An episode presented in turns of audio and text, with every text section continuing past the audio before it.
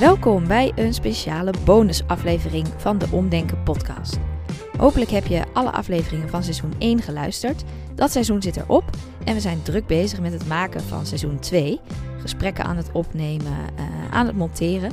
Dus hopelijk uh, verschijnt die snel in jouw feed. Maar ondertussen hebben we dus speciaal voor jullie deze bonusaflevering gemaakt.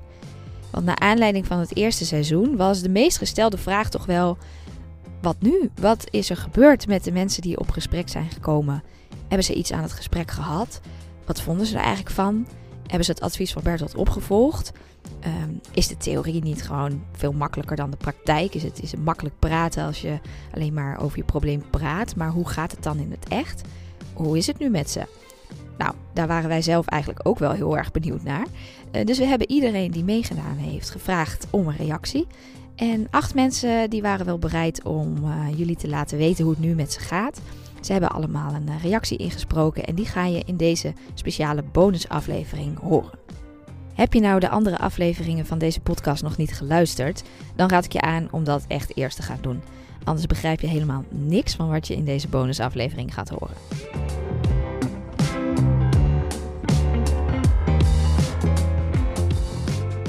We beginnen met de eerste en ook best beluisterde aflevering van de podcast. Dat was die met Karin. Uh, zij vond zichzelf een slechte moeder omdat ze het moeilijk vond om met het lastige gedrag van haar dochter Puk om te gaan. Uh, ze probeerde heel hard eigenlijk om haar dochter te begrijpen. Um, en hoe hard ze haar best ook deed, het lukte gewoon niet. En samen met Bertolt kwam ze eigenlijk achter dat daar juist ook deel van het probleem zat. Nou, we hebben haar gevraagd hoe het uh, nu met haar gaat en met haar dochter. En hoe ze het gesprek met Bertolt heeft ervaren.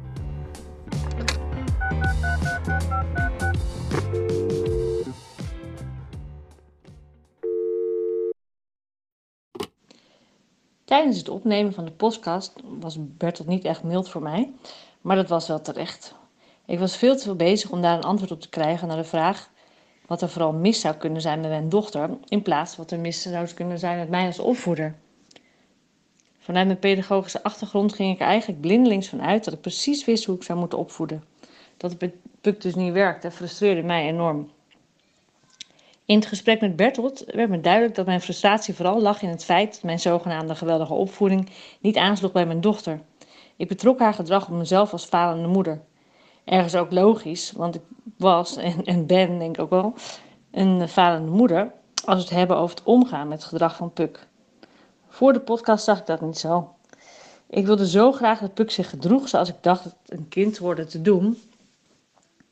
En Bertolt die liet mij dus zien dat dat niet werkt. En dat er niet maar één manier van opvoeden is zodat bij ieder kind past. Ik voel me, voelde mij hierdoor niet alleen een falende moeder, maar zoals jullie hebben kunnen horen in het gesprek nog erger. Puk zou zich hierdoor een kind kunnen voelen dat nooit aan mijn verwachtingen zou kunnen voldoen.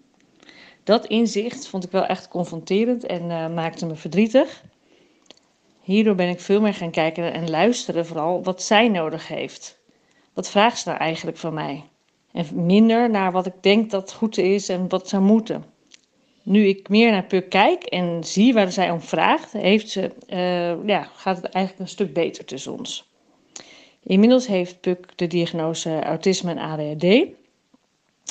En uh, wat ik er alles uit geleerd heb, is dat als je zonder verwachtingen en open en eerlijk kunt kijken naar je kind en vooral luisteren naar je kind, dan kun je denk ik heel veel meer bereiken in je relatie met je kind. En vooral niet zoals in mijn geval te veel nadenken over je denkt hoe het zou moeten. En weet je uiteindelijk, een slechte moeder blijf je toch. Mooi om te horen dat de aanpak van Bertolt in het gesprek ervoor heeft gezorgd dat Karin eh, heel anders naar Puk kan kijken en ook heel anders naar zichzelf kan kijken. Ook bij Bert uh, gebeurde er na het gesprek met Bertolt iets. Hij lag ontzettend in de clinch met zijn werkgever. Zat in een uh, slopend mediation traject. En had eigenlijk zoiets: dit wil ik niet meer. Maar ja, wat dan wel? Oh, en trouwens, als je iets op de achtergrond hoort, maak je geen zorgen hoor. Het zijn de katten van Bert. Nou, die beesten willen natuurlijk altijd precies op het verkeerde moment aandacht. Bij deze een update over hoe het nu met mij gaat. Daar kan ik heel kort over zijn. Sinds twee weken ben ik weer aan het werk bij een nieuwe werkgever. De enige relatie met mijn oude baan is, als hoofdtechnische dienst, is dat ik nog steeds werkzaam ben in de techniek. Technisch inkoper is echter wel een heel andere tak van sport. Ik vind het een leuke uitdaging om in de nieuwe functie mijn technische kennis te kunnen inzetten. Het interview voor de podcast met Bertolt heb ik als een breekpunt gezien om de knoop door te hakken en te breken met mijn toenmalige werkgever. Na een aantal gesprekken met mijn werkgever kwamen we er niet uit. Ik kreeg mijn ontslag en ik kreeg een mooie transitievergoeding. Het voelde als een bevrijding. Ik heb gekozen met mijn hart. Wilde ik nog wel verder met deze werkgever? Nee, dat wilde ik echt niet. Maar ja, zelf ontslag nemen was geen optie. Ik wilde een geldelijke vergoeding na 28 jaar trouwe dienst. Een soort genoegdoening voor de problemen waar mijn werkgever, mijn partner en mij mee had opgescheept. Vooruitkijken was na de podcast een helder beeld. Ik wilde weg en de tien jaar die ik nog mag werken, wilde ik in een plezierige, prettige werkomgeving en werksfeer doorbrengen. Alles is inmiddels netjes afgehandeld. Mijn partner en ik hebben beide een nieuw job gevonden. Het mooiste is dat we er beide weer heel veel plezier in hebben. En dat we er beide ook nog financieel op vooruit zijn gegaan is natuurlijk helemaal mooi. Ik denk dat er veel mensen zijn als ik die te lang kiezen voor zekerheid ten koste van werkplezier en vanwege de voortdurende stress uiteindelijk ook ten koste van hun gezondheid. Ik zou nu zeggen, kijk eens om je heen als je bent uitgekeken op je baan of op je werkgever. Het werk ligt op dit moment echt voor het oprapen. Bertolt en ook Nelke via deze weg bedankt voor het aanreiken van deze inzichten, voor de bewustwording. Nogmaals dank en tot kijk. Wat fijn dat er voor jou het breekpunt konden zijn, Bert. En uh, misschien wel leuk om te weten voor jullie, de reactie van Bert die liet even op zich wachten, omdat hij dus zo druk was met zijn nieuwe baan. Nou, dat vonden wij helemaal niet erg, alleen maar goed om te horen. Met uh, Eva Linde gaat het trouwens ook goed. Uh, zij ging met Bertolt in gesprek over de hoge verwachtingen die ze heeft, vooral van andere mensen. Niemand kon daaraan voldoen, haar broertje niet, haar klasgenoten niet, haar vriend niet, waarschijnlijk zij zelf ook niet. En ze werd er helemaal gek van. Maar gaat dat nu beter? Ja, ik vond het leuk en heel interessant om het gesprek met Bertolt aan te gaan. Ik heb er heel veel van geleerd. Ik moet zeggen dat ik nu, eh, als we het even, even hebben over mijn vraag over verwachtingen, uh, ja, heb ik dat een stuk minder. Het gaat nu goed in mijn relatie, uh, andere drukke dingen om mij heen, maar allemaal heel positief. Dus voor zover gaat het allemaal eigenlijk zo gangetje. En ja, als ik terugblik, zijn er zeker wel dingen veranderd. Omdat ik het ja, los heb kunnen laten. Verwachtingen van andere mensen hebben. En ik, uh, en ik daardoor eigenlijk veel beter in mijn vel zit. Groetjes! Helemaal geen verwachtingen hebben is natuurlijk onmogelijk. Maar je realiseren dat je ze hebt en dat ze je soms ontzettend in de weg zitten, dat is al een mooie stap. In aflevering 6 ging het ook over verwachtingen, maar dan meer over verwachtingen van jezelf. Bertolt ging daarin in gesprek met Esther. Esther is 100% afgekeurd uh, en zit dus thuis en heeft heel veel vrije tijd. Zoals ze het zelf omschrijft, zeeën van tijd. En dat zag ze als een probleem. In het gesprek kwam eigenlijk naar voren dat daar nog wel veel meer onder zat. Ze voelde zich bijvoorbeeld niet nuttig in onze maatschappij. Ze vond dat ze moest werken voor haar geld, dat ze profiteerde van het UWV. We zijn heel benieuwd hoe ze daar nu na het gesprek tegenaan kijkt. Hoe ervaart ze die vrije tijd nu? Het gesprek met uh, Bertolt vond ik uh, hartstikke leuk. Heb ik uh, positief ervaren. Het was leerzaam om ja, om te denken en mijn probleem te tackelen. De zeeën van tijd. En dat we inderdaad op een gegeven moment op een heel ander probleem kwamen. Dat was natuurlijk wel, wel grappig iets wat diep geworteld in mij zat. Verder gaat het gewoon heel goed met mij. Na de afspraak ben ik begonnen met uh, mediteren. Nou, dat had ik als Rotterdamse eigenlijk nooit verwacht. Maar ik heb meditaties gevonden van Dr. Joe Dispenza, een neurowetenschapper. Het gaat vooral om het zelfhelend vermogen van je lichaam. En dit geeft mij heel veel energie. En wat helemaal geweldig is, is dat ik sinds die operatie van 22 uur, of misschien daarvoor al, een hoge bloeddruk had. En ik slikte twee tabletten per dag. En nu sinds ongeveer drie maanden heb ik helemaal geen hoge bloeddruk meer. Hoef ik geen tabletten meer te slikken. En ik heb gewoon zoveel meer energie. Dus dat is uh, echt super fijn. Dus ik vond het gewoon erg leuk. Wauw, alweer een succesverhaal. Nou ja, in dit geval niet alleen dankzij de podcast, maar ook dankzij het ontdekken van meditatie. Trouwens, Xander die kwam ook op een verrassende plek terecht na het gesprek met Bertolt. Dat gesprek ging over dat hij ongewenst single is en eigenlijk wel toe is aan een lange vaste relatie, maar op een of andere manier wilde dat toch niet lukken. Hoi, terugkijkend en denkend aan het gesprek wat ik heb gehad met Bertolt, viel het me op dat eigenlijk de confrontatie met het feit dat ik heel veel voor anderen zorg, maar daarmee mezelf af en doe, iets wat ik al wist, toch harder is binnengekomen. Ik merk toch sterk dat ik geneigd ben als empaat heel veel te geven en naar verhouding binnen te nemen. En daarmee niet alleen mezelf, maar ook de ander tekort kan doen, omdat ik de ander wel geef, maar eigenlijk te weinig in de gelegenheid stel om iets aan mij te geven. Ik heb hierop besloten om met mezelf aan de gang te gaan. Eh, dat wilde ik niet in een zwaarwegend therapeutisch kader doen. Ik heb besloten een NLP-opleiding te gaan doen. Ik heb de NLP Practitioner gedaan. Ben nu met de NLP Master binnen. Met andere woorden, het gesprek met Bertolt heeft ervoor gezorgd dat ik verder ben gegaan met zelfontwikkeling. En daar ben ik heel dankbaar voor.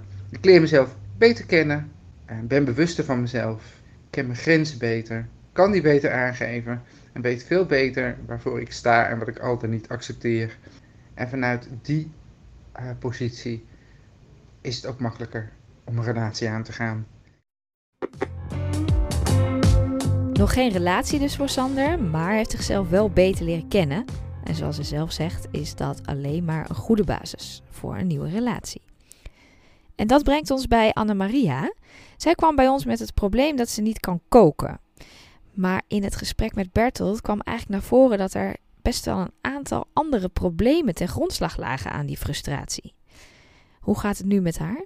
Luister maar mee naar haar antwoord op onze vraag hoe ze het gesprek ervaren heeft. Ik moet zeggen dat uh, voordat ik er naartoe ging, dat ik een beetje sceptisch was. Ik, uh, ik had uh, in de evenementenwereld gehoord dat het een man was die best wel wist wat hij wilde. Niet makkelijk. En ik denk van, nou, ik zie wel wat er gebeurt. Hè, het is, ik hou altijd van leuke nieuwe dingen, dus het baat het niet en schaadt het niet. En ik vind omdenken ook heel tof.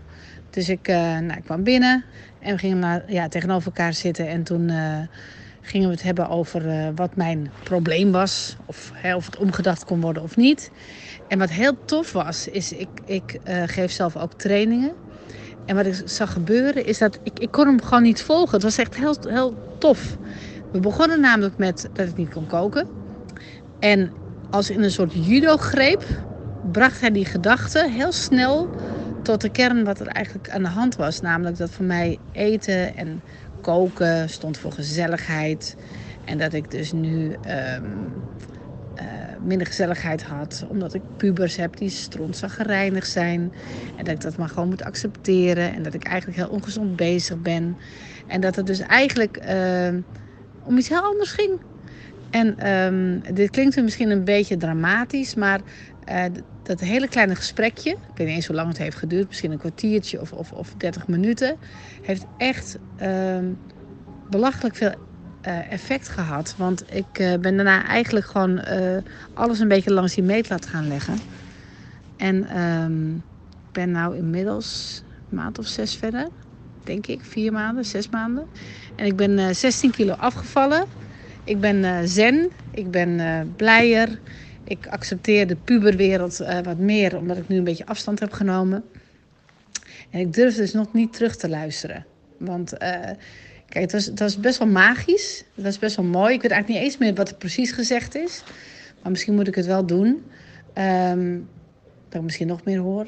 Maar het heeft dus echt in, in, in, in die hele kleine uh, momentopname... heeft het echt een heel langdurig mooi effect gehad een longtail van uh, wat, heb ik, ja, wat heb ik jou daar. En daar wil ik eigenlijk uh, voor bedanken. En het was, het was echt heel gaaf. Wauw, 16 kilo. Dat is een heleboel. Nou ja, zo'n groot effect had de podcast niet op Marjolein. Maar er is wel daadwerkelijk wat in haar leven en vooral op haar werk veranderd. Zij had het over haar collega's en dat die niet allemaal even gedreven zijn als zij. En dat dat haar nog wel eens ergert. In het gesprek met Bertolt probeerde hij haar duidelijk te maken dat je ook gebruik kan maken van de karaktereigenschappen van anderen die jij in eerste instantie heel erg irritant vindt. Luister maar eens mee naar het bericht van Marjolein. Ik heb het uh, gesprek met uh, Bertolt als heel uh, leerzaam ervaren en echt heel veel uh, van geleerd. Ik neem het ook echt nog dagelijks mee. Er zit zelfs een post-it op mijn computer, op mijn werk, met daarop dat ik me zorgen maak. Niet letterlijk, maar wel als reminder om daarmee meer in het gevoel van de ander te gaan zitten. En niet alleen naar mijn eigen stress die dan ontstaat te kijken. En ik merk ook dat dat echt dagelijks nog uh, positieve gevolgen heeft. Er zijn ook een heleboel andere dingen op werk veranderd. Maar ik denk wel dat ook het gesprek daarmee helpt om duidelijker en sneller een fijne samenwerking te krijgen. En niet eerst een soort van conflict, waar ik zelf ook natuurlijk grotendeels uh, oorzaak van was. Uh, ja, dat dat niet eerst een conflict moet zijn voordat we, het, voordat we verder kunnen. Mooi, die post-it als reminder. En we gaan afsluiten met een terugkoppeling van Nicole. Zij zat in de laatste aflevering van het eerste seizoen en ze besprak met Bertolt haar verslaving aan s'nachts tv kijken. Ze wilde eigenlijk veel liever slapen, maar ze kon het toch niet laten. Eh, doet ze dat nog steeds en hoe vond zij het gesprek? Uh, ik heb het ervaren als een heel prettig gesprek, waarin voldoende ruimte was om te zeggen wat ik zelf vind. En nou, we hebben echt wel heel goed onderzocht waar misschien een mogelijke oplossing voor mijn slaapproblematiek uh, zou kunnen liggen. Uh, vond ik heel prettig. We hebben meerdere wegen kunnen bewandelen. Ik uh, voelde me heel opgelucht toen ik naar buiten stapte. En heel veel energie heeft het mij gegeven. Nou, ik moet heel eerlijk zeggen dat zeker in de periode kort na het gesprek, dat ik eigenlijk uh, vooral geslapen heb, s'avonds. Weinig tv gekeken tot uh, niets. Dat ik ook zelfs een aantal keer uh, s'nachts of s'morgens er vroeger uitgegaan ben om wat dingen te gaan regelen. Uh, maar dat ik de laatste weken weer merk dat je toch af en toe weer, en dat kan afhankelijk van je moedswing zijn of andere zaken, dat ik toch weer een beetje verval in het tv kijken. Al is het niet meer de intensiteit die het had van voor het gesprek. Nou Nicole, misschien moet je volgend seizoen gewoon nog een keer meedoen aan onze podcast. Zoals gezegd zijn we dus druk bezig met seizoen 2, maar we zijn altijd op zoek naar leuke mensen met interessante problemen. Dus zou jij ook een keer met Bertolt in gesprek willen? Geef je dan op. Dat kan via onze website omdenken.nl slash podcast. Als je dan helemaal naar onderen scrolt, vind je daar een link naar het formulier wat je in kunt vullen. Uh, je mag ons ook altijd een mailtje sturen. Dat kan naar contact omdenken.nl. Je mag daar natuurlijk ook alles met ons delen wat je kwijt wil. Wat je van de podcast vindt bijvoorbeeld. Wat we trouwens ook heel fijn zouden vinden is als je ons een beoordeling geeft. Dat kan in de Apple Podcast app ontzettend makkelijk. Je kan uh, vijf sterren geven. Of iets minder, maar het liefst vijf natuurlijk. En je kan daar ook nog een berichtje bij schrijven als je wil. En uh, dat helpt ons weer om onze podcast uh, bij meer mensen te krijgen. Omdat we dan hoger staan in de hitlijsten. En tot slot moeten we jullie nog even iets heel erg leuks vertellen. Want van maandag 26 november tot en met zondag 2 december openen wij een Omdenken pop-up store op Utrecht Centraal. Hebben we ontzettend veel zin in. En uh, als jullie zin hebben, dan kunnen jullie daar natuurlijk naartoe komen. We gaan daar ook iets met de podcast doen. We gaan daar namelijk live podcastgesprekken opnemen. Uh, dus je kan langskomen om mee te luisteren. Die komen uiteindelijk ook weer in je podcastfeed terecht. Maar je kan in de pop-up store nog veel meer doen. Er komt een heel groot spel te staan waarmee je kan testen of jij zelf een omdenker bent. En natuurlijk presenteren we daar ook ons nieuwste boek. Zoals verwacht loopt alles anders. En dat is een beetje het boek over omdenken en over hoe je dat nou eigenlijk doet, hoe je met een probleem omgaat. En het is eigenlijk ook de theorie die Bertolt gebruikt in zijn gesprekken, maar dan eens een keer goed opgeschreven. Dus ik hoop jullie te zien in de pop-up store op Utrecht Centraal. Nou, dankjewel weer voor het luisteren en tot snel in seizoen 2.